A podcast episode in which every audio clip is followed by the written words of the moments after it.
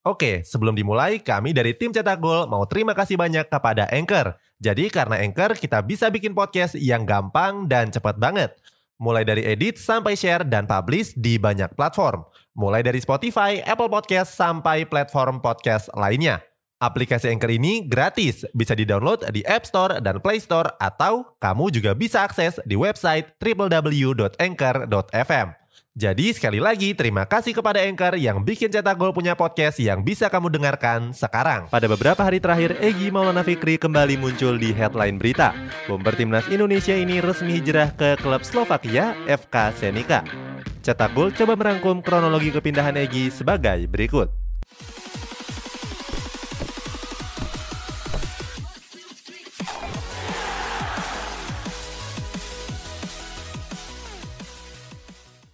Jarang mendapatkan menit bermain di Lechia Gdansk. Pada bulan Maret 2018 yang lalu, Egi resmi memperkuat Lechia Gdansk. Lechia Gdansk sendiri merupakan klub yang berlaga di divisi utama Liga Polandia. Kabar ini langsung menarik perhatian jagat sepak bola Indonesia. Menteri Pemuda Olahraga saat itu Imam Nahrawi bahkan mengucapkan selamat kepada Egi. Dengan bergabung ke Lechia Gdansk, Egi mencatatkan sejarah sebagai pemain Indonesia dan Asia Tenggara pertama yang berlaga di klub Polandia. Pencapaian Egi ini seakan membuka jalan bagi pemain-pemain Indonesia lainnya yang ingin berlaga di benua biru.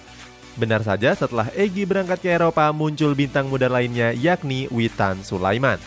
Egi sendiri mencatatkan debut pertamanya di Lechia Gdansk pada musim 2018-2019 yang lalu. Saat itu, Lechia Gdansk bertanding menghadapi Gornik Zabzre. Skuad yang berjuluk Gdanski Lewi ini memasukkan Egi saat sudah unggul 4 gol. Sang pelatih memasukkan Egi di menit-menit akhir pertandingan menggantikan Lukas Haraslin. Bermain di kompetisi Eropa, Egi ternyata jarang mendapatkan jam terbang yang tinggi. Tiga musim membela Lechia Gdansk, Egi cuma bermain sebanyak 11 pertandingan saja. Itu pun tidak ada yang bermain 90 menit penuh. Mirisnya pada musim pertamanya di Lechia Gdansk, Egi cuma tampil sebanyak dua laga saja. Dari dua total pertandingan tersebut, Egi cuma mencatatkan total 10 menit bermain. Sementara tujuh laga sisanya lebih sering Egi habiskan di bangku cadangan. Bahkan pada banyak laganya Egi nggak tergabung ke dalam skuad. Sebagai informasi, sebelum bergabung ke Lechia Gdansk, Egi sempat jadi incaran klub Eropa lainnya, Seandainya Egi bergabung di Saint Etienne, mungkin kamu bisa melihatnya berlaga di Ligue 1 Prancis. Dia mungkin akan berhadapan dengan pemain-pemain bintang seperti Neymar dan Kylian Mbappe. Sayang, Egi Maulana Fikri ternyata cukup kesulitan beradaptasi di sepak bola Eropa dan membuatnya jarang dimainkan Lechia Gdansk. Sempat dikaitkan dengan Persija Jakarta. Setelah resmi hengkang dari Lechia Gdansk, Egi sempat beberapa bulan menganggur. Bomber timnas Indonesia ini sempat dikaitkan bakal merapat ke Persija Jakarta. Saat itu, para penggemar Persija Jakarta atau yang biasa disebut The Jackmania meminta manajemen untuk mendatangkan Egi. Hal ini diketahui dari hasil polling yang diadakan. Hasil polling itu menempatkan Egi di posisi teratas dengan 68% suara. Di posisi selanjutnya ada Pratama Arhan, Rizky Rido, dan Syahrian Abimanyu. Selain ke Persija Jakarta, Egi juga sempat dikaitkan akan bergabung dengan salah satu klub asal Norwegia yakni FK Bodoglin. Mengetahui hal tersebut, agen dari Egi Dusan Bogdanovic langsung buka suara. Saat itu, Bogdanovic mengatakan kalau Egi sudah mendapatkan klub yang baru. Sayangnya, Bogdanovic nggak memberitahu secara detail terkait klub barunya tersebut. Bogdanovic cuma mengatakan kalau Egi bakal berangkat setelah mendapatkan vaksin kedua COVID-19. Sementara itu, tentunya di sisi lain Egi masih menaruh harapannya untuk bermain di Eropa. Pemain kelahiran Medan ini ingin merengkuh kesuksesan di sana. Oke, sebelum dilanjut, ada yang penasaran nggak? Gimana caranya bikin dan nyebarin podcast yang kayak gini? Nah, ini karena tim cetak gol pakai Anchor. Mulai dari rekaman, edit suara, tambah lagu, sampai drag and drop bisa kita lakukan sendiri pakai Anchor. Satu aplikasi sudah bisa buat semua kebutuhan podcast. Bisa di-download dari App Store dan Play Store atau bisa juga diakses dari website www.anchor.fm. Terus yang terpenting, Anchor ini gratis. Download dan coba sendiri setelah tonton episode ini. Menghadapi sejumlah masalah.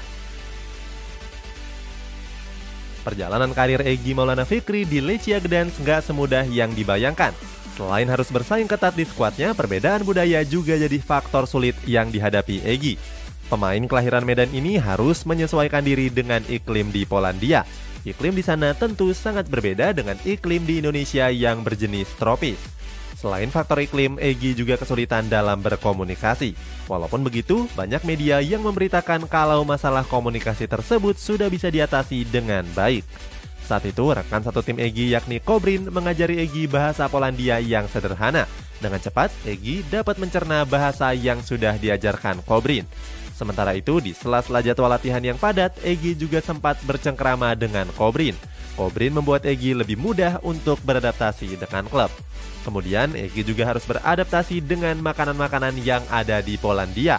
Egi sempat mengaku kalau dirinya sangat merindukan makanan di Indonesia. Bahkan di beberapa kesempatan, Egi meminta resep masakan tersebut kepada orang tuanya. Hal ini terlihat saat Egi sedang melakukan video call dengan keluarganya.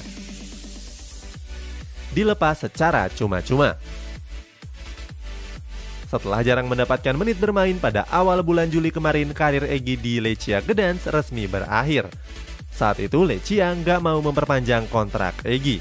Sang pelatih Lechia Peter Stokovic punya alasan kuat untuk melepas Egi Stokovic bilang kalau postur tubuh Egi nggak ideal untuk bersaing di sepak bola Polandia.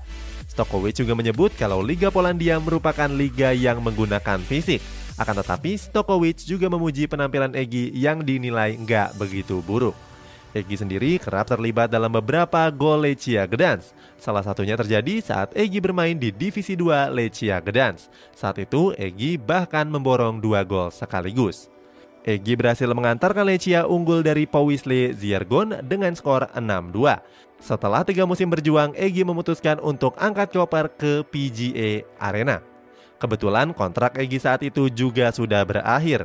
Itu artinya klub lain bisa mendapatkan jasa Egi secara gratis.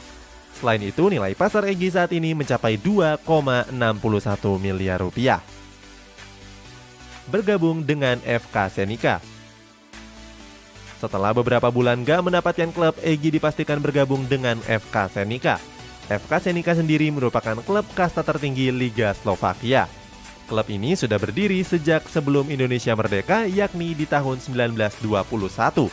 Itu artinya klub Egi saat ini merupakan klub bersejarah yang sudah berumur satu abad.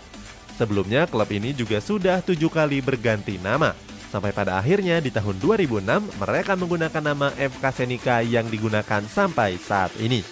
Walaupun menyandang status sebagai klub bersejarah, prestasi FK Senika sendiri terbilang biasa-biasa saja. Pada akhir musim ini mereka bahkan hampir terdegradasi dari Liga Fortuna. Beruntung mereka berhasil memenangkan laga playoff dan dipastikan bertahan di Liga Fortuna. Senika sendiri pernah tampil di ajang Europa League. Saat itu mereka cuma tampil di babak kualifikasi pada musim 2013-2014 yang lalu. Sampai saat ini Senika belum pernah meraih gelar juara di Liga Fortuna. Nantinya di FK Senika, Egi akan menggunakan nomor punggung 17. Nomor punggung tersebut memang gak lazim digunakan bagi seorang Egi. Sepanjang karirnya, gelandang berumur 21 tahun ini lebih sering menggunakan nomor punggung 10. Seperti sebelum-sebelumnya, kedatangan Egi tentu membawa berkah tersendiri bagi FK Senika. Kabarnya followers Instagram mereka mengalami peningkatan yang cukup drastis. Hal ini serupa dengan kedatangan Egi pada saat pertama kali mendarat di Lechia Gdansk. Itulah kronologi kepindahan Egi Maulana Fikri ke FK Senika. Semoga dia beruntung dan mendapatkan momentumnya di sana. Yang penting terus bekerja keras dan berusaha. Bagaimana menurutmu? Apakah Egi bisa tampil bersinar di klub barunya?